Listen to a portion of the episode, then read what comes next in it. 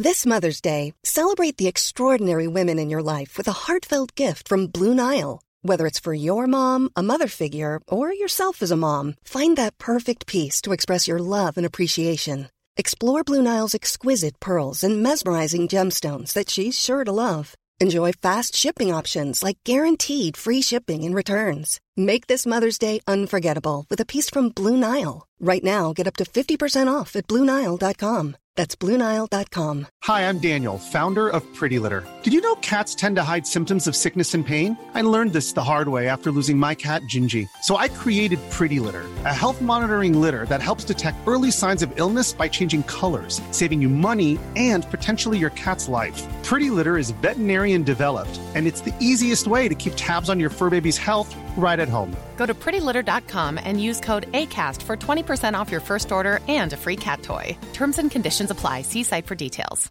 Many of us have those stubborn pounds that seem impossible to lose, no matter how good we eat or how hard we work out. My solution is PlushCare. PlushCare is a leading telehealth provider with doctors who are there for you day and night to partner with you in your weight loss journey. They can prescribe FDA-approved weight loss medications like Wagovi and Zepbound for those who qualify. Plus, they accept most insurance plans. To get started, visit plushcare.com slash weight loss. That's plushcare.com slash weight loss.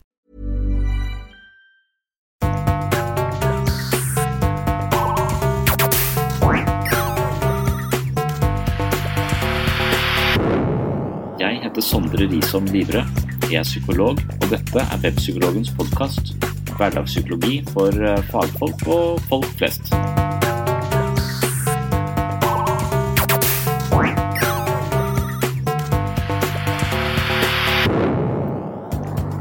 Velkommen til episode fire. I dag skal du få høre et opptak som ble gjort under Filosofifestivalen i Kragerø.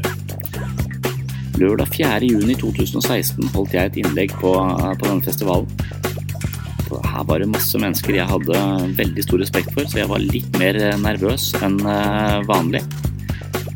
Temaet for hele festivalen var flukt, og jeg skulle snakke om å flykte fra seg selv.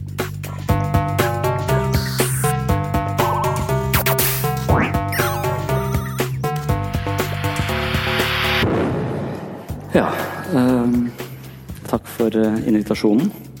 Det er veldig gøy og angstprovoserende å få være med på denne festivalen. Det som skjer inni meg akkurat nå, det er at hjertet mitt slår fortere enn det pleier å gjøre, og det pumpes masse blod ut til store muskelgrupper. Ideen er at jeg enten skal angripe dere, altså, eller at jeg skal stikke av. Men ingen av de tingene passer akkurat nå, da. Så det er vanskelig å flykte, fra seg selv. Jeg pleier å si ja til sånne ting som det, jeg synes det er eh, på en måte gøy, og så lurer jeg alltid på hvorfor sa du ja når du står der, altså, det, eller når jeg våknet på morgenen i dag. Og jeg synes det er ekstra skummelt å være her, da, for jeg antar at de som går på Filosofifestivalen, de er langt over middels intelligente, tenker jeg.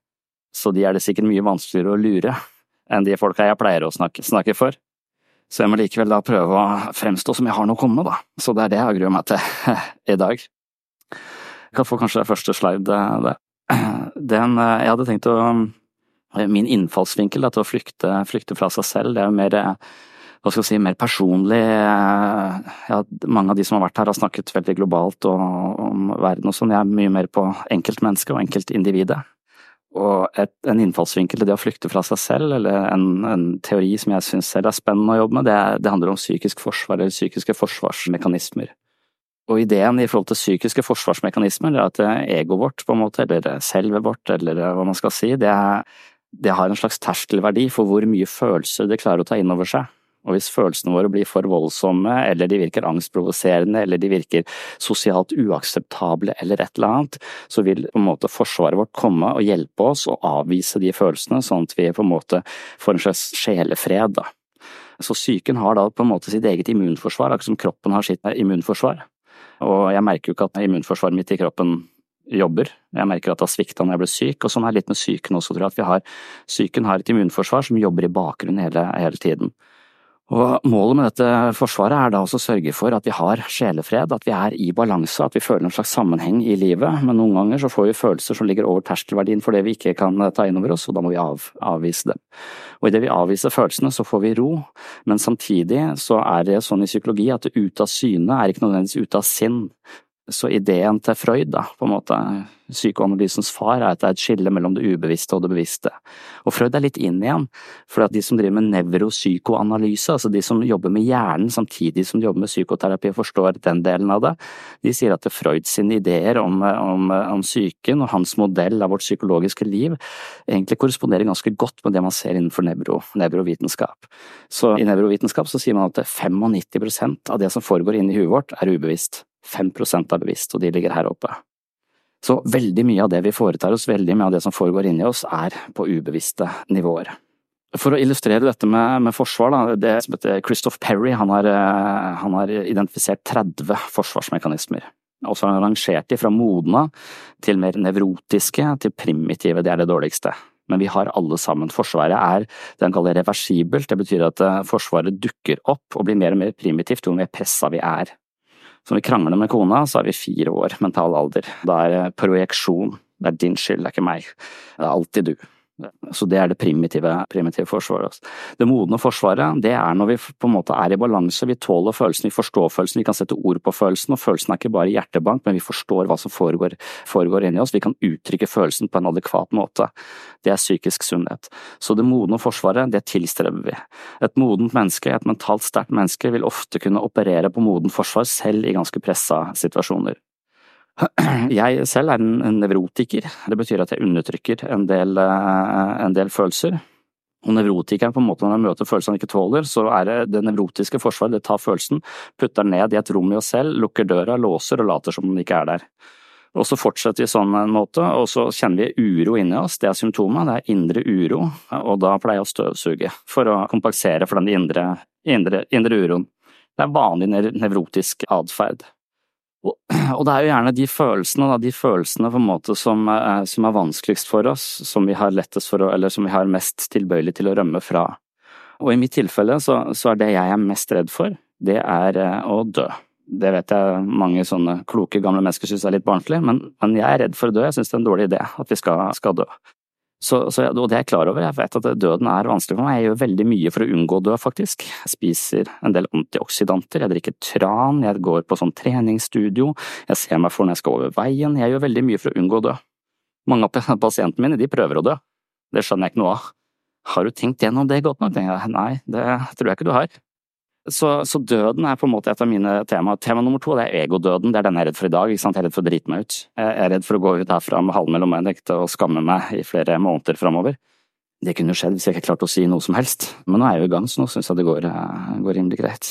Hvis dere lurte på det.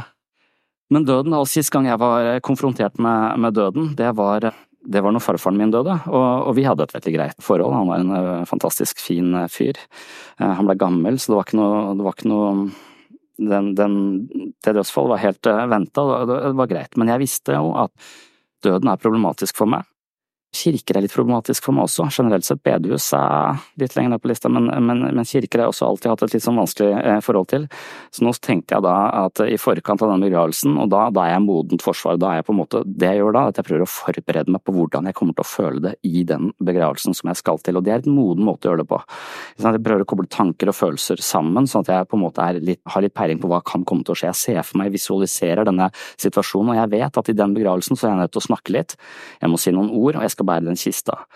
Og hvis jeg da bare går rundt og sipper, eller skjelver, eller, eller, hva som skjer, hvis jeg blir overveldet av følelser, det passer seg jo ikke i det hele tatt, så, så jeg trenger å være forberedt. Så jeg forberedte meg mye på denne eh, begravelsen. Dagen kommer, jeg sitter på første rad, og det går ganske greit. Jeg ser kista er der. Men så kommer denne musikken, det er det med disse kirkebygningene, de er så voldsomme. Og da kjenner jeg at det begynner å vibrere i leppa, og så tenker jeg nå begynner jeg å grine. Det er flaut, det vil jeg helst unngå. Og da bruker jeg et slags forsvar som er ganske bevisst fortsatt. Da. Forsvaret fungerer ofte veldig ubevisst, men, men, når vi er i balanse, så har vi muligheten til å styre oss eh, selv litt med bevisstheten vår. Så jeg prøver å tenke på noe annet. Jeg tenker, prøver å tenke på en murstein, et eller annet som er helt nøytralt. Det funker i ca. 30 sekunder, så kommer en ny sånn Og da, da har jeg ikke kjangs lenger. Og da er det dette mer ubevisste forsvaret kommer inn og hjelper meg. Det er som om at eh, jeg sitter der og følelsene mine blir satt i parentes. Det er ikke noe jeg selv gjør med, med viten og vilje, det er bare den ubevisste delen av meg for å sørge for at jeg kommer meg gjennom denne situasjonen uten å falle av stolen. Så har Forsvaret, det, mitt psykiske immunforsvar, hjulpet meg i den situasjonen, og det er bra.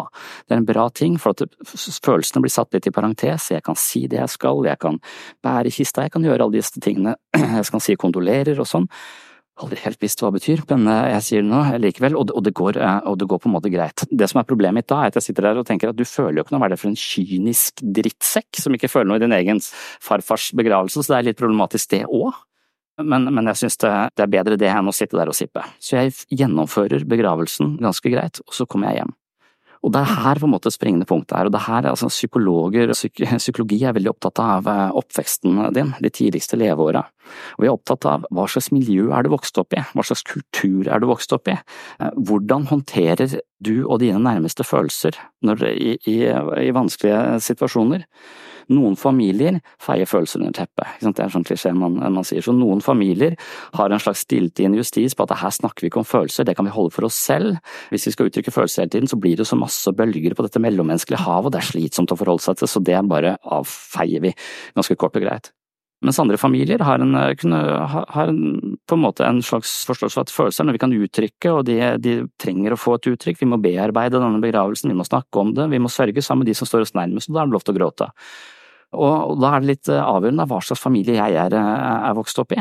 Og Hvis man da ser for seg at jeg er vokst opp i denne affektfobiske familien som ikke tåler følelser i det hele tatt, eller helst bare vil ha de på avstand, så kan man se for seg at jeg kommer hjem etter begravelsen, alt er greit, vi, vi går videre med livet, snakker ikke mer om det, jeg husker begravelsen, jeg husker ikke så mye hva jeg følte, det er greit, nå er det ferdig, livet går videre, han var gammel. Og så er det sånn at jeg sykler til jobb, så bor jeg på et sted som Gimlekollen, og så sykler jeg ned Gimlekollen, ganske bratt. Og så kommer jeg ned en sånn dump, og så skal jeg sykle opp en slak oppoverbakke. På høyre siden der så ligger Oddernes kirke, der er farfaren min er, eh, er begravd.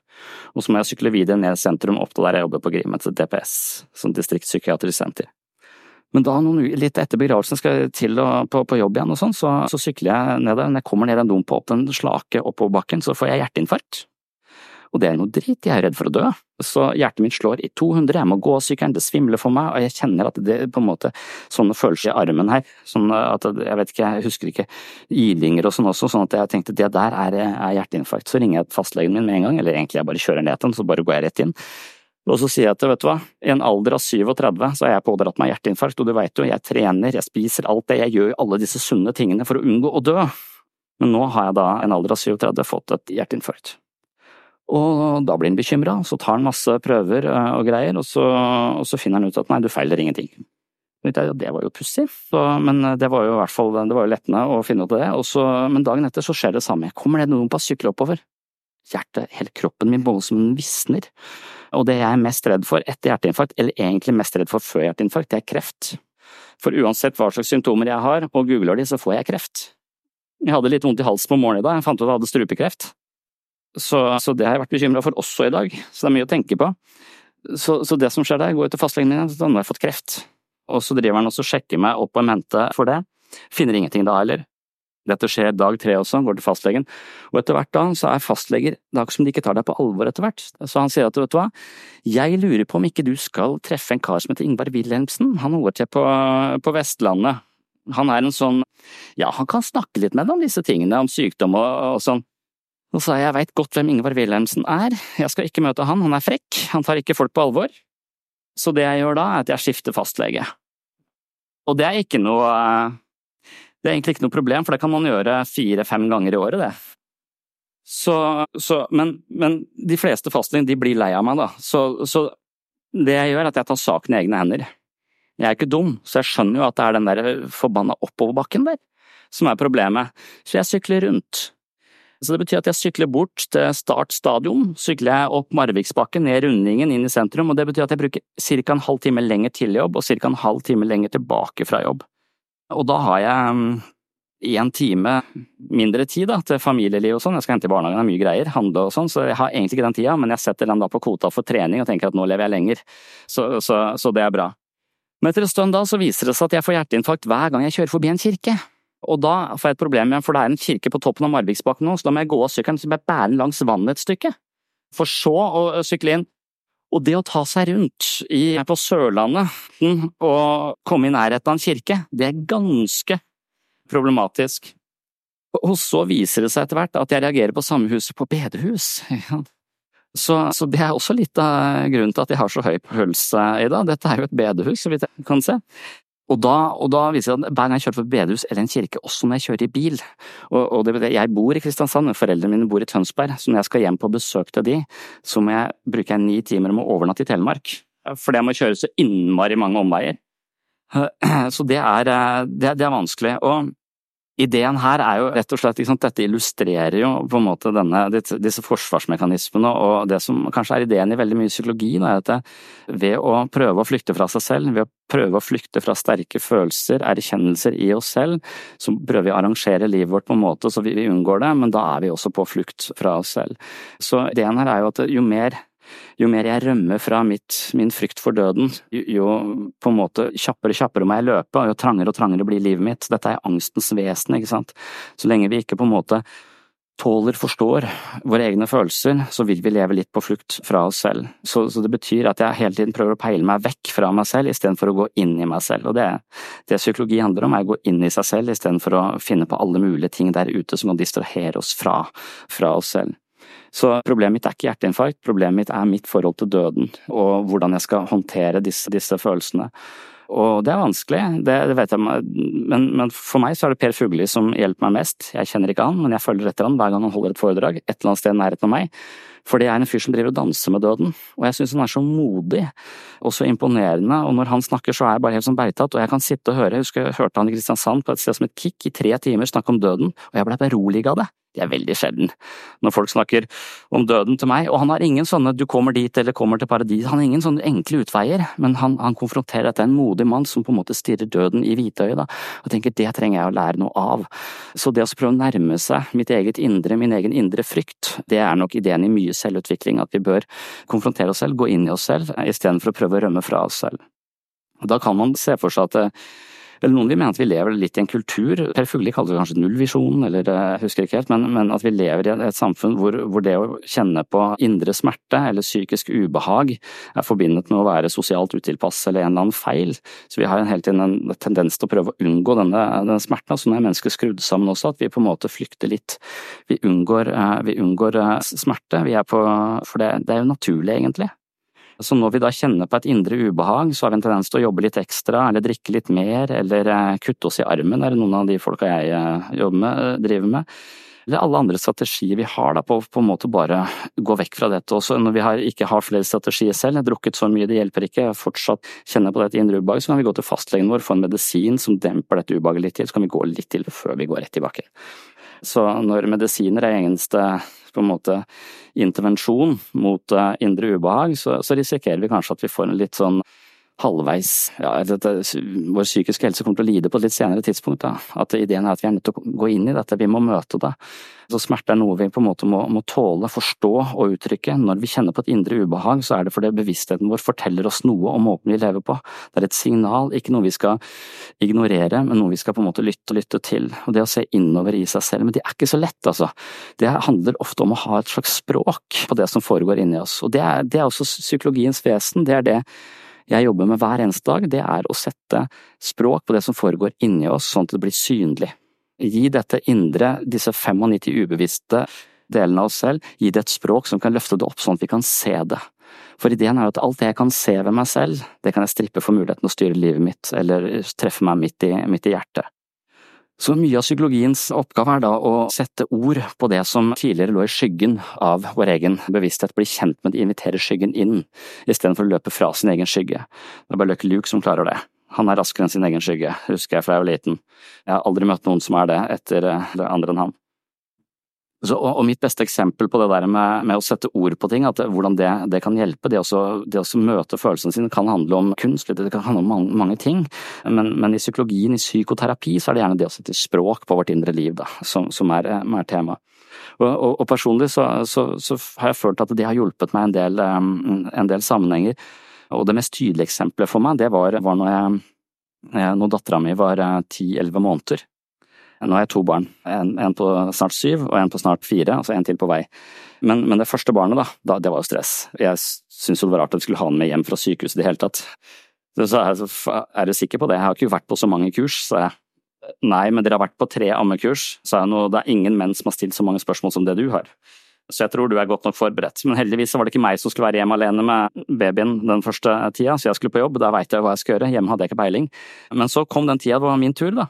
Og da kommer kona mi med en bag med bæsjbleier, vi sitter en bag med våtservietter og bæsjbleier, og så fikk jeg dattera mi her. Og så sa hun vet du hva, hun liker å gå på babysang. Og så tenkte jeg å faen, babysang? Hva er det for noe, for noe greier? Og det viste seg at babysang det er noe som foregår i Søm kirke, litt utenfor Kristiansand. Og der dukker denne kirken opp. Alt på Sørlandet foregår i bedehus eller kirker. Til og med babysang. Og det som, det som skjer da, jeg kommer inn i et rom i, et, i, denne kirken, og der er det 16 damer som sitter i ring og nynner. Og tenkte jeg, er det mulig? Altså, jeg, jeg, jeg, visste jo at menn går ikke på babysang, men jeg er så pliktoppfølgende så jeg klarer ikke å si nei. Så jeg gjør det like, likevel, selv om jeg vet at det, det, det, alt i meg stritta imot når bare nevnte ordet. Når jeg kommer inn der, så sier disse fem prosentene som er bevisste, de sier at her er 16 damer i en kirke som nynner, det kan ikke være veldig farlig. Og så sier resten av systemet mitt at vet du hva, du er i en krigssone, dette er livsfarlig, du må komme deg ut fort som bare det. Og det som da skjer igjen, er jo at hjertet mitt slår på høygir, ikke sant, det pumper masse blod ut i de store muskelgruppene igjen. Armer for å angripe, bein for å stikke av. Det er alternativene jeg har der, enten angripe de damene som sitter og nynner, eller stikke av. Og akkurat som her, her i stad. Ingen av de tingene er gode. Jeg sitter og prøver å nynne med, jeg kan klare meg sånn rimelig greit i refrenget, synes jeg selv, men, men, til slutt så klarer jeg ikke mer. Så får jeg en bæsjebleie òg, så jeg må evakuere hele, hele kirken. Når jeg kommer hjem da, og noen dager etterpå bare, så i den perioden, dette her er jo da seks-syv år siden nå, syv år siden, så, så leste jeg Knausgård. Jeg var veldig opptatt av Knausgård, det var en sånn sørlandsforfatter også. Og han fyren der, han har jo brukt seks spinn han, på å kikke inn i seg sjøl. Så han har jo litt peiling på hva som foregår. Og forskjellen på meg og Knausgård er at Knausgård har så masse språk, han har så rikt språk på hva som foregår inni han. Og da viser det seg at han har skrevet 15 sider han om å gå på babysang. Og for meg så var babysangopplevelsen det var bare kropp, det var bare ubehag, det var bare kroppslig smerte. Jeg visste ikke hvorfor jeg var så redd, jeg skjønte at det ikke var farlig, men jeg var bare livredd. Og det er på en måte det er angsten, er, det er en følelse uten ansikt, jeg vet ikke, hva, vet ikke hva det er, jeg har ikke klart å forstå det. Mens når jeg da leser Knausgård, som har dette rike språket på ting som foregår inni han, så er det som om han kan også åpne dører på hva som foregår inni meg, til, til, en, til en, viss grad. Og da leser jeg, ikke sant, der står det Knausgård har skrevet, menn på babysang står i fare for å bli impotente og miste sin maskulinitet. Og da skjønner jeg jo min egen frykt, nå forstår jeg hvorfor jeg reagerte sånn som jeg gjør. Og poenget er at det er ikke sikkert Knausgård har rett, det han skriver, men det, her, det, hjelper meg til å på en måte dykke litt inn i, eget, i mitt eget ubehag. Så istedenfor å bare unngå å gå på babysang, så kan det være at jeg bør være litt interessert hva skjer i meg, hva er det som foregår, kan jeg gi disse følelsene språk, kan jeg håndtere de, for hvis jeg kan gi de et språk, så er det lettere å regulere de ned. Hvis de er språkløse, så treffer de bare rett, rett i kroppen. Og sånn kan man se for seg på en måte barn eh, Dette er litt sånn man tenker om barns eh, utvikling også. så det, det, å bli voksen handler om mange ting, men det om å utvikle seg handler også om at du har empatiske foreldre som på en måte vet hva som foregår inni seg, er i rimelig god balanse, sånn at de har muligheten å speile hva som foregår inni barnet, og gi barnet språk på det. Gi barnet en forståelse for sitt eget følelsesliv, for de er bare fanget av følelsen. Så psykologi så sier man at det som skjer med oss før vi får et språk, det veier følelsesmessig mye tyngre og mye verre senere i livet, nettopp fordi vi ikke kan filtrere det gjennom en form for forståelse. Og det er på en måte, når, når du har med barn, og jeg bare i ABUP en del og sånn også, når du har med barn å gjøre, så, så er det veldig ofte sånn at det, Barns symptomer er fysiske, de har vondt i magen, vondt i nakken, vondt i hodet, vil ikke gå på skolen. Det er som om de kommuniserer i fysisk smerte, for det er det de, det er det de kjenner. Og der, selv om det er en psykologisk smerte, så vil den kjennes fysisk hvis vi ikke har noe språk. Både det gjelder oss voksne, voksne også. Så barn ofte, mangler ofte et adekvat språk på hva som foregår inni der, det de skal utvikle, med empatiske andre mennesker som forteller dem noe om hva som foregår på innsiden, i hvert fall gir de forslag og peker de i retning hva foregår inni deg nå, sånn at vi kan forstå det og løfte det opp, sånn at det ikke bare er vondt i magen, magen lenger. Og det er jo det som handler om å bli, bli voksen, og så klare å løfte det fra kropp til, til innsikt. Og det er og da, da hvis, vi, hvis, vi, klarer å konfrontere, hvis vi klarer å tåle, de som klarer å tåler, forstår og kan uttrykke følelsene sine, de slipper, eller de vil i mindre grad måtte, på en måte flykte fra seg selv, eller distrahere seg selv, eller løpe mot andre, andre ting for å unngå denne, denne, denne følelsen her inne. Så jo mer på en måte mental styrke for meg, det handler om å tåle å føle mer uten å fanges av følelsen, uten å overveldes av følelsen, men på en måte hvile i en forståelse at jeg har en følelse, den kommer og den går, og ikke på en måte bli så tett knytta til følelsen at du ikke ser den flekken du står på, og bare rammes, rammes i kropp.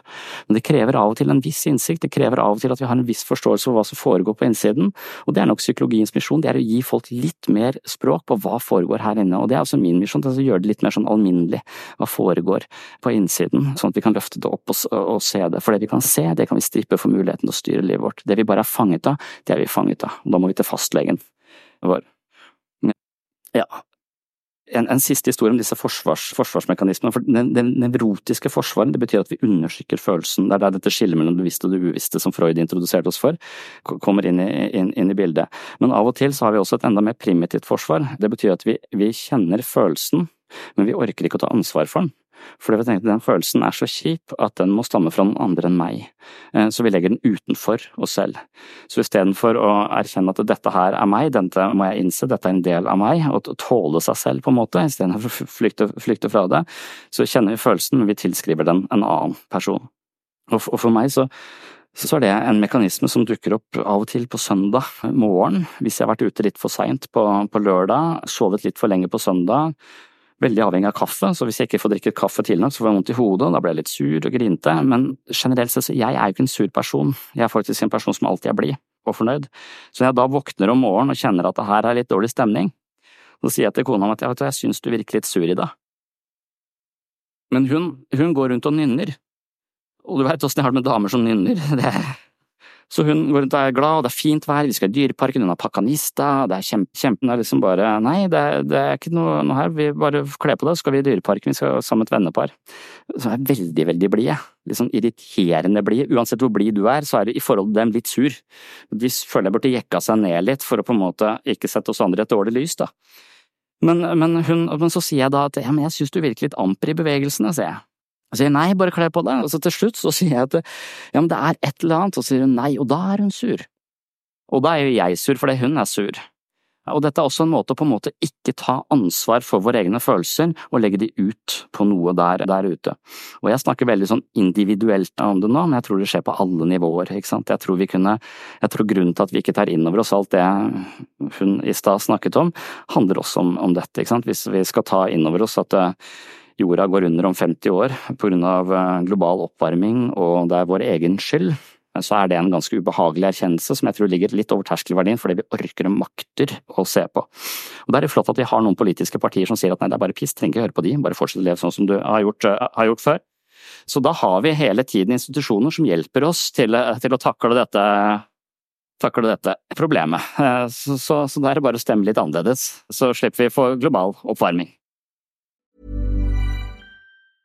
Mom deserves the best, and there's no better place to shop for Mother's Day than Whole Foods Market. They're your destination for unbeatable savings, from premium gifts to show-stopping flowers and irresistible desserts. Start by saving 33% with Prime on all body care and candles. Then get a 15-stem bunch of tulips for just $9.99 each with Prime. Round out Mom's menu with festive rosé, irresistible berry chantilly cake, and more special treats. Come celebrate Mother's Day at Whole Foods Market. When you're ready to pop the question, the last thing you want to do is second guess the ring. At Bluenile.com, you can design a one of a kind ring with the ease and convenience of shopping online. Choose your diamond and setting. When you find the one, you'll get it delivered right to your door. Go to Bluenile.com and use promo code LISTEN to get $50 off your purchase of $500 or more. That's code LISTEN at Bluenile.com for $50 off your purchase. Bluenile.com code LISTEN. Hiring for your small business? If you're not looking for professionals on LinkedIn, you're looking in the wrong place. That's like looking for your car keys in a fish tank. LinkedIn helps you hire professionals you can't find anywhere else, even those who aren't actively searching for a new job but might be open to the perfect role. In a given month, over 70% of LinkedIn users don't even visit other leading job sites. So start looking in the right place. With LinkedIn, you can hire professionals like a professional. Post your free job on linkedin.com slash people today. Så igjen, å flykte fra, fra, problemene, men ideen er vel at det på et eller annet tidspunkt da tupper oss i ræva litt hardere enn vi hadde regna med. Den siste sånn fortelling om dette som jeg liker, jeg liker å prøve å sette disse ideene om psykisk forsvar inn i, inn i hverdagslivet, og en sånn, så, sånn på en måte episode som har brent seg fast i meg, eller som jeg, som jeg husker så veldig tydelig, at jeg, jeg jobba i ABUP, det er barn og unges psykiske helse, da, og da, da var jeg sånn cowboypsykolog, kan man si. Jeg drev også farta rundt i, i distriktene og var hjemme hos folk. Og da fikk vi masse rare henvisninger. Jeg husker jeg måtte til en fyr i Mandal som ikke ville stå opp om morgenen. Så tenkte jeg jeg får ikke mine egne barn til å stå opp om morgenen, hvordan i huleste skal jeg klare å hjelpe en eller annen i Mandal med masse sånne, masse sånne ting. Men, men så, så, kom det en søknad. Det var en kar på på 13 år. Ingenting av det jeg sier er helt sant, da. Det er litt sant. Så uh, han karen her finnes ikke, men det finnes folk som ligner ham. Og der var det en kar, 13 år, som gjør fra seg midt på gulvet. Så jeg tenkte det er jo litt merkelig. Og da, da tenker jeg hva, hva, hva, er det for noe? Men Sondre, du må ta den, du er spesialist. Spesialist. Faen, hvordan skal jeg Ok, men jeg, jeg, kjører ut der, og jeg kommer ut til en av de flotteste stedene i Kristiansand. Det er et fantastisk hus, det ser så uh, flott ut. Så banker jeg, nei, jeg ringer på døra, og så åpner moren her sånn. Sier hun kom inn, og så går jeg inn. Men idet jeg har gått rett innafor, så tenker jeg faen, jeg må jo ta av meg skoa på utsida. Og det pleier ikke jeg å gjøre, så det legger jeg merke til. Det, jeg her er det som om jeg, jeg, Helt på automatikk så gikk jeg ut igjen, tok av meg skoa, satte de på utsida før jeg, eh, før jeg gikk inn. Det synes jeg er rart, for hjemme hos meg så liker jeg at folk tar av seg skoa i gangen. Jeg liker ikke at de går inn med sko, det synes jeg er irriterende, da tenker jeg på det hele tida. Håndverkere pleier å gjøre det. Fryktelig irriterende, kan ikke ta av seg skoa der ute. Men ikke på utsida av huset, skal få lov til å ha dem inne i gangen. Føler jeg som vanlig, norsk standard føler jeg det er. Men her sånn så var det bare helt på automatikk, så gikk jeg ut igjen og tok av meg skoa, og så gikk jeg inn. Hm, merkelig, tenkte jeg. Kom jeg opp i stua, der satt mor, far og denne problembarnet i midten, da, og det skjønte jeg var et problembarn, for han passa ikke til noe som helst der inne, han passa ikke til møblene, han hadde piercinger gjennom, eller noen der sikkerhetsnåler gjennom kinna sine, han så jo ikke ut, han passa ikke til en tapet eller noe som helst, jeg tenkte han må dere kvitte dere med, han passer jo ikke inn her i det hele tatt. Og så får jeg litt kaffe, og jeg drikker kaffe. Når jeg drikker eh, kaffe, så må jeg ofte tisse, og så får jeg en sånn brikke til å sette kaffekoppen på, for det er veldig sånn flott bord. Eh, men på en eller annen, en eller annen grunn så setter kaffekoppen på utsida av brikken. Når jeg skal gå ut og tisse, så kjenner jeg nå må jeg veldig, veldig på do. Og så får jeg en impuls for at jeg har lyst til å tisse på gulvet. Og så tenker jeg jøss, hva er det Jeg og han er jo litt like, men jeg er bedre oppdratt enn deg, så jeg går på do. Det gjør tydeligvis ikke du, det er det som er problemet her, har jeg skjønt. Så jeg går da på do, men når jeg kommer tilbake igjen, så er denne kaffekoppen satt på plass. Og hva er problemet? Og, og, og, hvis man skal tenke sånn som man tenker i forhold til dette med nevrotikeren, altså jeg driver og støvsuger sånn, jeg er jo nevrotisk, jeg skjønner dette temaet her sånn, dere forsøker å unngå et eller annet emosjonelt ubehag ved å pynte på overflaten, og det driver jo vi mennesker veldig mye med. Vi pynter på overflaten for å på en måte stange eller unngå en eller annen følelsesmessig turbulens som ligger her nede som ikke, vi ikke orker å ta inn over oss, for det er så, er så, slitsomt. Og i en familie så vil ofte dette, på en måte følelsene komme til uttrykk et eller annet sted, gjerne i barna som blir bærer, eller på måte, som, som, på en måte synliggjør symptomer på her er det et eller annet som ikke stemmer. Det er en sånn affektfobisk holdning her inne. Så man kan også si at veldig sånn ekstrem pertentlighet går ofte hånd i hånd med lite følelsesmessig kommunikasjon. Og hvordan hjelper man det? Problemet er ofte at noen mennesker har ikke noe språk da, på hva som foregår, de har ikke noen måte å uttrykke det på. Det er ikke alle som skal ha det i språk, vi kan ha kunst, vi har masse forskjellige måter å uttrykke vårt indre liv på, men vi trenger en kanal. Vi trenger en måte å, å, å gjøre det på, og jeg har vært i mange familier som totalt mangler dette språket på. Hva skjer inni deg, hva skjer mellom oss? De får bare en, en diagnose eller en medisin, eller, eller, så har de et somatisk språk. Jeg har vært i masse familier hvor det eneste valutaen som gjelder, det er hvis du er, hvis du har fysisk vondt et sted. Og da har alle fysisk vondt overalt, men ingen snakker egentlig om hva som foregår på innsiden, det er bare på utsiden av, eh, av problemet. Så for å hjelpe folk her, så, så, må man på en eller annen måte finne en måte å uttrykke dette indre på.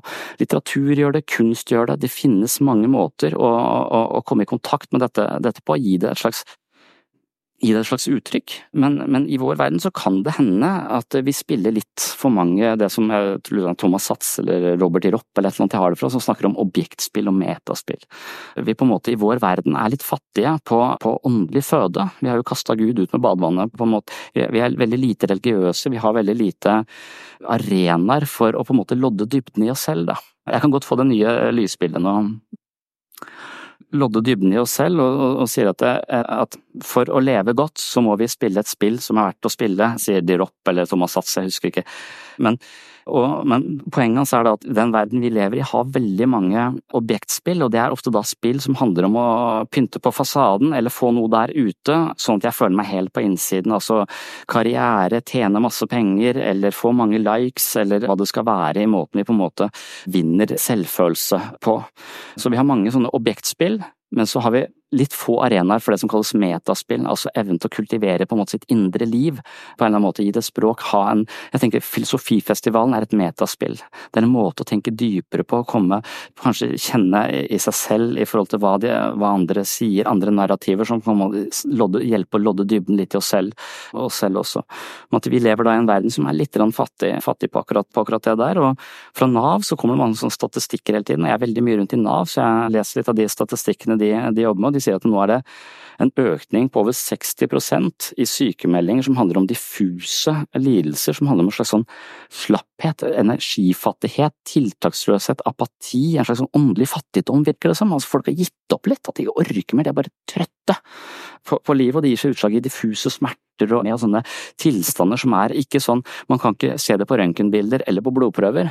Så vi tenker hva er egentlig det der for noe, de de bare lurer oss. Eh, men det gjør de kanskje ikke. Og det Thomas Sass sier, er at du er nødt til å finne et spill som er verdt å spille. Det gir livet mening, det gir livet driv, på, en måte. Men hvis du da bare spiller forderva objektspill som handler om å karre til seg mest mulig penger, så våkner du opp dagen etter med masse penger, men føler deg helt tom på innsiden. Så vi må også finne et, et spill som kanskje er en type meta, metaspill. Og de som da blir, legger seg helt flate, det sier at det er bedre å spille et korrupt objektspill som handler om å tjene masse penger og komme seg høyt opp og bli sett og hørt og få masse likes osv. Det er bedre, det gir i hvert fall en drivkraft. Men hvis du slutter å spille totalt, så har du ingen mål og mening lenger, og det er en total stillstand. da. Så han sier at vi er dømt, på en måte. Eksistensfilosofer sier vi er dømt til å skape mening i et eget liv. Thomas sier vi er dømt til å finne et spill som er verdt å spille, og gjerne da noe som også tar hensyn til vårt indre, til vårt indre liv. Ja, Psykologien deler seg litt på akkurat, eh, på akkurat dette området. Og min innfallsvinkel til psykologi handler jo om å lodde dybden i seg selv, på en måte. Gå inn, gå, gå inn, i seg selv. En annen skole, som jeg også er tilhenger av, som jeg mener har veldig mye godt ved seg, de, de ser litt annerledes på, på, lidelse. Jeg er opptatt med å si at lidelse er noe vi kanskje må møte, tåle, forstå og leve, for så å leve forbi det. Veldig mange mennesker som kommer til meg og har det vanskelig i livet sitt, har en idé om at eh, nå har jeg kommet til deg, nå skal du si et eller annet fantastisk som får det til å holde, komme på plass inni meg, sånn at jeg ikke har det kjipt lenger. Så herfra og videre så blir det bare bedre og bedre. Når det kommer til meg, så er det da har jeg dårlig news. Herfra og videre så blir det bare jævlig mye verre en stund. Fordi at du må inn i deg selv, du må konfrontere de tingene du har brukt mye energi på på å unngå. Så vi må bli følelsesmessig sterke, vi må tåle flere følelser uten å fanges av dem. Og det er en slitsom affære. Du kan ikke fortsette å leve på samme måte som du, du, du har levd eh, før. Så Det handler på en måte om å gå inn i, i, i problemet, og det, en, det kaller man kanskje en sånn for, for dybdepsykologi. Motsatsen til det er den eh, som jeg har tegna på høyre side der, det er mer den kognitive tradisjonen som sier at det, hvis du sliter i livet, kjenner på en eller annen følelsesmessig ubehag eller psykisk smerte inni deg, så handler det om en feilkobling i huet ditt i måten du tenker på. Og det er en litt annen innfallsvinkel til det, der ser man lidelse som, som, no, som en feil, mens i den andre dybdepsykologien så ser man lidelse som en mulighet mer som en, en, mulighet til vekst og større innsikt. En gryende innsikt i seg selv, på en måte. Noe man bør på en måte bejage og gå inn i. og Det høres lett ut, men det er, ikke, det er jo dritvanskelig. Men, men at det, det, er en mulighet, mens den andre så tenker man det, lidelse som en feil, noe vi må justere. Og Det er den kognitive tradisjonen som da sier at du er skrudd sammen på en måte, du har et operativsystem inni huet ditt, det er skrudd sammen andre folk, eller det er på en måte installert av de menneskene som du har møtt tidligere, de har fortalt deg hvem du er, og du går og tror på det. Og Hvis du da har møtt masse folk som kritiserer kritiserer jeg, så går du rundt med en idé om at jeg er ikke like god som alle andre. Jeg bør stille meg bakerst i køen, alle andre er flinkere enn meg. Det gir lav selvfølelse, det gir mye angst, det gir mye, mye uro, men måten du tenker på er da diktert av noen folk som hadde behov for å tråkke på deg når du vokste opp, og det har blitt din sannhet. Så du må endre måten å tenke på. Hvis du endrer måten å tenke på, så vil du også endre opplevelsen av å være deg. Og det er William James, på en måte psykologiens far, kan man si. Han sa at ved å endre holdning til livet, så kan man endre livet sitt. Og det er noe ved det. Det er noe veldig riktig, riktig ved det. Men, men, forskjellen her er da at man ser lidelse som en, som en feilkobling. I den andre dybdepsykologiske tradisjonen så ser man lidelse som noe man må dykke inn i. Og, og, hvordan gjør man det? For meg så er det litteratur som er det, det mest nærliggende. Musikk er eh, nærliggende for meg. Og, og, Joseph Campbell er en sånn person jeg har sånn veldig han er veldig, jeg vet ikke om dere vet, en sånn mytolog som har sagt mye om mytologi og, og hvordan eh, mytologien bør være en sånn parallell fortelling til livet vårt, da, som gir livet vårt dybde og, og, og, mening. Uten mytologi han at livet er bare en tilfeldig oppsamling av oppturer og nedturer uten noe mening i det hele tatt. Men hvis vi har mytologien med oss, så vil det gi den mye større, større dybde. Så i, i, den tradisjonen så jeg husker Robert Bligh tror jeg han skrev manneboka. Det er sikkert mange som syns at han er litt sånn mannssjåvinistisk sånn, men Robert Bligh syns jeg også var en sånn Den manneboka ga meg veldig mye. Iron Man, nei Iron John heter han vel.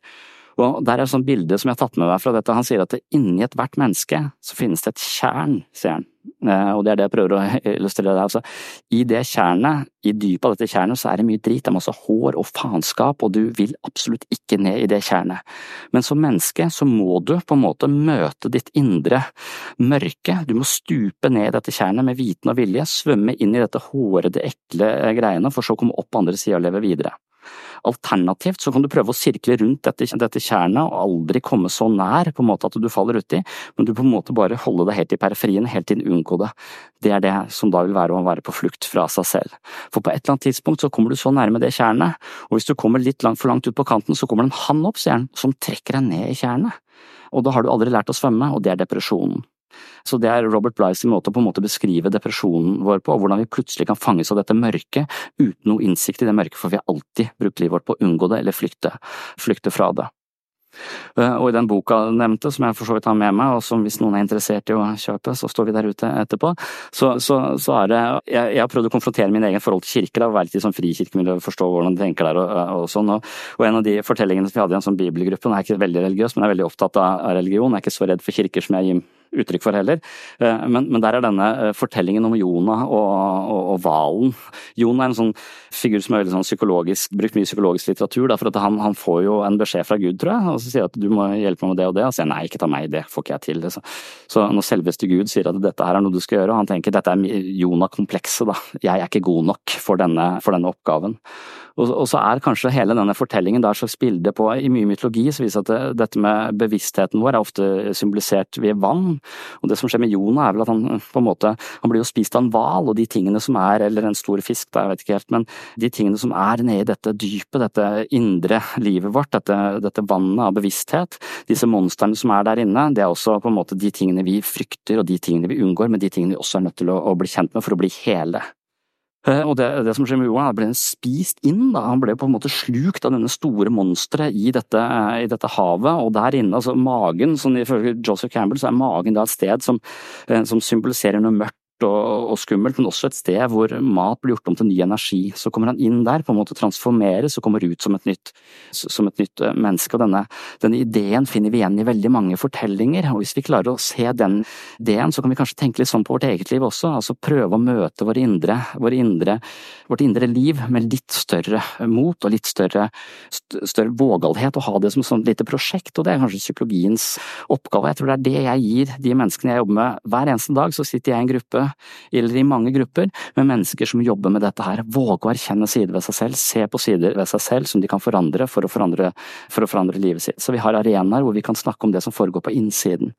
Så jeg føler det litt som sånn når vi ikke har, Nå har vi masse bedehus da, på, på, Sørlandet, men i Skandinavia generelt er veldig sånn Vi, vi har ikke så veldig sånn mye kultur for det åndelige osv. Og, så og psykologi er jo heller ikke noe åndelig, det vil ikke ha på seg det, men, men det er et sted, det er et slags metaspill, tror jeg. En måte å kultivere sitt indre, indre liv på, gi det et språk sånn at vi kan leve litt annerledes. Istedenfor å bare skylde på at det er kona som er sur, eller at det er Nav som er problemet, eller at det er verden som er problemet, eller alle andre er problemet problemet, så begynner det ofte med, med oss selv. Og da tenker jeg det var ca. et kvarter igjen, at det er et Ja, hvis det er noen som har noen spørsmål, så kunne jeg snakke om dette her i flere dager, men, men Ja. Det var en klok person jeg snakka med eh, for noen år siden, som sa Tenkte på den eh, Og jeg kjenner også at jeg er nervøs. Mm. Han likte så godt den metaforen å se på seg selv som en løk. At mm. vi skreller oss lag på lag. Mm. Men når jeg kommer inn til midten, så, så, finner jeg ikke en kjerne, men jeg finner et valg. Mm. Så det jeg lurer på Tenker du at det er mulig psykologisk sett å noen gang finne hjem i seg selv? Helt hjem, ja, hvis ja. du skjønner spørsmålet? Ja. Altså, det, det, det, vet jeg jo akkurat hva jeg skal svare på, men, men, jeg tror at det er en ganske generell idé innenfor psykologi, i hvert fall, eller, eller det vi jobber med, at det, i psykologi så beskriver vi oss selv. For idet jeg beskriver meg selv, så er jeg ikke lenger fanget av meg selv. Jeg kan beskrive hvordan jeg var før, og når jeg er forbi den varianten av meg selv. Så det å tro at vi er noe fast, vi er jo hele tiden i bevegelse. Depresjon er jo å tro at vi er i noe fast, at vi er statiske, at vi ikke kan forandre oss. Det er et mangel på perspektiver, på en måte. Så i psykologi så trener vi Når du oppover evnen til å se deg selv istedenfor å være deg selv. I det du beskriver deg selv, så er du ikke lenger fanget på samme måte.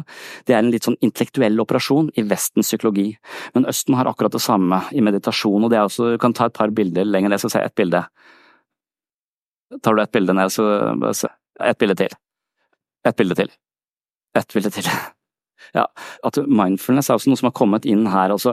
og Mindfulness er et ikke-intellektuelt prosjekt, det handler om å hvile som en observatør til seg selv. Fordi du ser at et følelse kommer, tanker kommer, tanker er der, de skravler, noen sier at vi har 80 000 tanker i døgnet, og måten du tenker på styrer til en viss grad livet ditt, men hvis du er litt mindre fanget av det, hvis du på en måte kan hvile litt som en observatør, så skjønner du at tanker. Er noe som hører til egoet mitt, og egoet mitt er en størrelse som aldri er fornøyd med å være den han er akkurat der og da.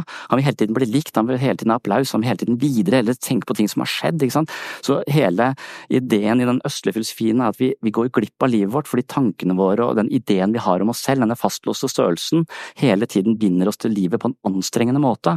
Så hvis du trener på evnen til å hvile som observatør til deg selv, så trener du denne delen av hjernen. Så hvis man ser inn i hjernen i nevropsykologien, så, så ser man at vellykka psykoterapi og folk som har gått i meditasjon lenge, har mer aktivitet her sånn i disse følelsessentrene som skyter. Så evnen til å observere seg selv og ha og forstå at tanker og følelser skal ikke få lov til å definere meg som menneske. Hvis jeg har en dårlig dag og tenker at jeg er en dårlig person, og jeg lar selvfølelsen min, min verdi som menneske, svinge i takt med hvordan jeg føler meg fra dag til dag, så blir livet en berg-og-dal-bane. ikke sant. Så det vi hele tiden tror jeg jobber med i, i psykologi, det er evnen til å observere seg selv, uttrykke seg på en måte skape den avstanden, som ikke betyr at jeg skal fjerne meg fra meg selv, men på sett og vis ha mer rom i meg selv til å tåle følelser uten å fanges av de. Men da også forstå at jeg er ingen Det å lete etter hvem er jeg, på en måte vil i denne sammenhengen være et sånn fåfengt prosjekt, da, for du er bare i bevegelse, ikke sant. Du er rommet hvor alt skjer. Så noen i denne tradisjonen, som den østlige tradisjonen, har kanskje en sånn idé om at bevisstheten er dette rommet, og du er bevissthet. Alt som kommer inn og går ut av dette rommet, det er bare ting i din bevissthet, oppstår i bevisstheten, men du er ikke det. Vår feiltagelse er at vi tror vi er tankene våre, vi lar de få lov til å bestemme hvem vi er, hva, og på en måte vi er fanget av ego, da. Det er en dette, sånn dragkamp i livet, men en forståelse for at vi er det rommet hvor alt kommer og alt går. Det gir et litt sånn løsere relasjon til vårt eget ego, noe som betyr også at vi sannsynligvis blir, blir bedre mennesker, fordi at det, empati stammer fra overskudd. Hvis jeg tenker at jeg er god nok som menneske, jeg aksepterer meg selv som alle de store visdomstradisjonene sier at du er verdifull fordi du er et menneske, ikke fordi du gjør eller kan eller har eller osv. Hvis vi virkelig forstår det, så kan vi hvile i oss selv, og da vil ikke ego hele tiden trenge å få noe fra folk rundt seg, men behovet vil være å gi. Man går fra egoisme til altruisme. Så det å hvile som denne observatøren og forstå at ja, det er ikke noe definert, det, det, det skaper litt større avstand til dette ego, det tror jeg gjør Det høres ut som sånn egosentrisk poeng, meg og min, min, indre ro, på en måte, men jeg tror at det er også byggestein i empati og evnen til å bry seg om verden, og så tåle flere, eh, flere, følelser. Det begynner med oss selv. Det var kanskje ikke svar på, på, på spørsmålet, men det var det jeg kom i tanker om når du sa det du sa. ja. Mm. ja. Tusen hjertelig. Ja, det Ja, tusen takk. Det betyr mye. Det betyr mye for egoet mitt, som bryr seg. For jeg er ikke sånn som jeg beskriver det blir. ja. Mm. Ja, jeg kan også styrke egoet ditt. Ja, jeg, jeg, jeg, kom, jeg, kom, for deg. Oh, ja. Og Eva Jolie. Ja. Dybdepsykologi og kognitiv psykologi, har du noe Det er ofte sånn at de er imot hverandre, syns jeg. Men du virker som du snakker positivt om begge to. Har du noe Er det noe sånn ja. skille, syns du, i det du jobber med, for eksempel? Ja, jeg tror sånn effektforskning, da, hva funker i psykoterapi, viser jo at uh, metoden du bruker har veldig lite å si men det mennesket du er, har veldig mye å si. Så for meg så handler det ikke så mye om hva slags teori eller sånn du følger, men det handler om hvor, hva slags menneske du er. Jeg tror det er relasjonen også, som er, er, det grunnleggende i all form for behandling innenfor dette feltet. Og så, og så tenker jeg, eller, så, Av og til så tenker jeg at jeg er litt dum, da, for hver gang jeg leser en bok, så tror jeg på alt som står der. Jeg syns det er kjempelurt. Og så leser jeg en ny bok som sier kanskje noe helt annet, men jeg syns det også høres kjempelurt ut. Det er veldig sjelden jeg leser en bok og tenker at dette er helt feil. Jeg tror ingen på en måte er så kloke at de kan ta helt feil. Jeg tror, så, så, jeg ser litt meg selv som en slags teoretisk pasifist. Da syns at ideer er gøy. Og så syns jeg at det, de fleste ideer har noe ved seg, da. ikke alle, men, men sånn innenfor dette feltet. At det der, om du er kognitiv eller dybdepsykologi eller dynamisk eller liksom, det er masse forskjellige ideer her, men, men, mange av ideene handler jo om å observere seg selv og ikke være fanget av seg selv. Skape større rom i sitt indre liv til å tåle mer. Så de har veldig mange likhetstrekk. Kognitiv psykologi ligner veldig på buddhisme når det kommer et, kommer et stykke. Dybdepsykologien har, psykologien har vi med fra, fra Jung, Freud og, og, jeg liker Jung veldig godt. Jeg syns arketyper er en sånn idé som, som tenner meg. denne, dette at det er, noe, det er, ikke noe, feil med oss, men kanskje så er det deler i oss selv som ikke er stimulert, som ikke er utvikla. At du har en kriger, kanskje krigeren er veldig framme, men mens du mangler altruisten og vandreren og det nysgjerrige barnet. Det å tenke på meg selv på den måten gir meg veldig mye at jeg tenker at jeg, nå er du litt for voldsom, eller nå er du litt for At jeg kan prøve å finne fram til andre deler av meg selv gjennom det som Jung har beskrevet i forhold til arketyper og sånn. Så jeg syns mange forskjellige gode ideer gir forskjellige mennesker Min erfaring er også at forskjellige mennesker liker forskjellige ideer og kan bruke de bedre enn andre. Og det er litt den boka jeg har skrevet, på en måte den første boka i en triologi, som, hvor vi har sittet nå sammen i fem år med, med 30 pasienter, faktisk. I den gruppen definerer jeg meg selv som en pasient. Det er bare et sted hvor vi undersøker ideer om å leve godt. Hva har alle de store visdomstradisjonene sagt om dette? Og så prøver vi å skape øvelser, eller finne øvelser vi kan gjøre for å på en måte putte teorien i praksis. Og, og og de, de, bøkene som jeg har skrevet der, de er en slags samling av de erfaringene vi har gjort der. Hvilke ideer har folk likt best, da? Hvilke øvelser har folk likt best for å putte det teoretiske inn, inn, i, inn i, hverdagslivet?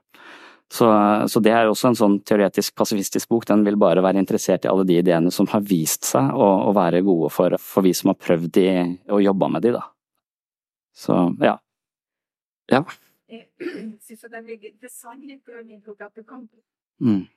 Jeg synes det er veldig interessant hvordan du mener at kulturen, litteraturen og musikken kan forløse ting i oss. Mm. Og så tenker jeg litt på, jeg tenker litt på Skårderud når jeg hører deg snakke, og når du sier at, at mange unge i dag får en sånn trøtthetsfølelse. Mm. Og Skårderud skriver jo veldig mye om anoreksi mm. som en måte å kontrollere virkeligheten på. Mm. Er, ser du noen sammenheng mellom, mellom denne trøtthetsfølelsen og samfunnet i dag. Nå vet ikke jeg om anoreksi har blitt et mindre problem enn det var for noen tiår siden, det har jeg ingen kunnskaper om, mm. men ser du noen sammenheng mellom de psykiske lidelsene som kanskje spesielt unge har, og det samfunnet som omgir oss nå? Ja, Det vet jeg ikke heller nok om, men jeg har gjort noen tanker når jeg har hørt litt rundt på denne filosofifestivalen også. så jeg har hørt noen, plukket opp noen ideer her som jeg, som jeg synes ligner litt dette. Og det Skårderud snakker om, han kaller det mentaliseringsevne. Jeg har kalt det mindsight, blant annet det er evnen til å se sitt indre liv. Og det han sier om disse anorektikerne, er at av og til så spør jeg de om hvordan har du det i dag? Og det er et spørsmål som ansporer mennesket til å se innover i seg selv og fortelle om hva foregår her inne nå. Mens anorektikeren da ofte svarer at jeg vet ikke, for jeg har ikke veid meg ennå. Og det er et av de pengene, og det sier han, det er, lite mentaliseringsevne. Så her igjen så handler det om å på en måte være oppmerksom på hvordan vi skrur sammen våre egne opplevelser av verden og tåle dette indre, men det å bare legge sin egen verdi og livsprosjekt i vekt er veldig enkelt, forenkler jo verden. Og hvis du har trygge nok omgivelser rundt deg, så vil du ofte kunne vokse forbi dem. Hvis du er i utrygge omgivelser på en eller annen måte, det kan være mobbing på skolen, stort press osv., så, videre, så vil du ofte kunne fanges i sånne andre livsprosjekter. Men det å kunne lodde dybden i seg selv, da, det, det, tror jeg krever litt disiplin og tålmodighet også. Og det, det, som har blitt sagt her noen ganger rundt forbi, og som jeg selv har vært litt opptatt av, det jeg har kalt informasjonsbulimi. At eh, hvis du aldri leser mer enn ingressen eller en twittermelding på 160 tegn, så vil du aldri på en måte få lodda dybden. Vi får masse informasjon, men vi får ingen dybde. Hvis vi får bare overskrifter, så mangler vi på en måte Så, så den viktigste boka jeg tror jeg har lest, det tror jeg er Ulysses av James Joyce. Skjønte jeg ikke en dritt av, men jeg tvang meg gjennom den. Det var ikke noe å skjønne heller, men det å bare stå ved det prosjektet, finne ut er det noe her? Og har jeg prøvd det flere ganger, det er ikke så mye der for meg, men, men bare det også… Jeg tenker at det diktanalysen som jeg hata når jeg gikk på skolen, er viktig. Det å jobbe lenge med noe for å avsløre dypere lag, være litt langsommere. Og det kan jo hende at dette veldig raske bombarderes med informasjonsgreiene, at vi mister noe viktig det er sånn, som Filosofifestivalen vil være en slags motvekt til, da, sånn jeg ville tenke om det, og, og som kanskje vi etter hvert vil oppdage også og bli mer eh, interessert i. Men oppmerksomheten vår fanges veldig ofte i masse der ute og det er veldig liten. Vi har iPader hele tiden som skal ha oppmerksomheten vår. Så oppmerksomheten vår innover er ikke alt, kanskje at vi ikke stimuleres så mye. Vi har to øyer, et som ser innover, et som ser verden der ute. Og det å hjelpe barn til å stimulere det som skjer der inne, finne ut av hva skjer inni deg når det og det skjer der ute, det vil kanskje være å hjelpe til å se innover og skape et språk og en forståelse for at jeg er faktisk forfatter av mitt eget liv. Jeg må være litt mer oppmerksom på hvordan jeg skrur sammen alle mine opplevelser av meg selv og verden, istedenfor å hvile det bare i hvordan du ser ut eller hvor mange likes du har eller, eller den typen ting. Det tror jeg Skårderud ville, ville sagt, men kanskje noe ville vært enig i. Ja. Mm. Ja. Mm. Mm.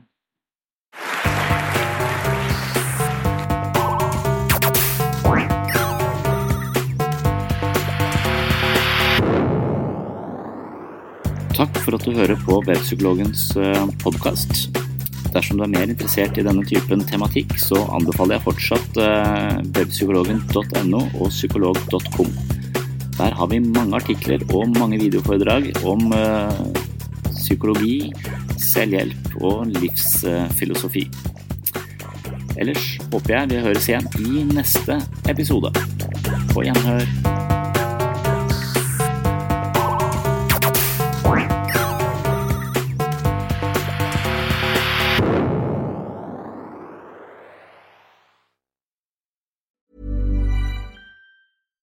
Deserves the best, and there's no better place to shop for Mother's Day than Whole Foods Market. They're your destination for unbeatable savings, from premium gifts to show-stopping flowers and irresistible desserts. Start by saving 33% with Prime on all body care and candles. Then get a 15-stem bunch of tulips for just $9.99 each with Prime. Round out Mom's menu with festive rosé, irresistible berry chantilly cake, and more special treats. Come celebrate Mother's Day at Whole Foods Market. Imagine the softest sheets you've ever felt. Now imagine them getting even softer over time. That's what you'll feel with Bowl and Branch's organic cotton sheets. In a recent customer survey, 96% replied that Bowl and Branch sheets get softer with every wash. Start getting your best night's sleep in these sheets that get softer and softer for years to come. Try their sheets with a 30-night guarantee. Plus, get 15% off your first order at bowlandbranch.com. Code BUTTERY. Exclusions apply. See site for details. Normally, being a little extra might be a bit much, but not when it comes to healthcare. That's why United Healthcare's Health Protector Guard fixed indemnity insurance plans, underwritten by Golden Rule Insurance Company, supplement your primary plan so you manage out of pocket costs. Learn more at uh1.com.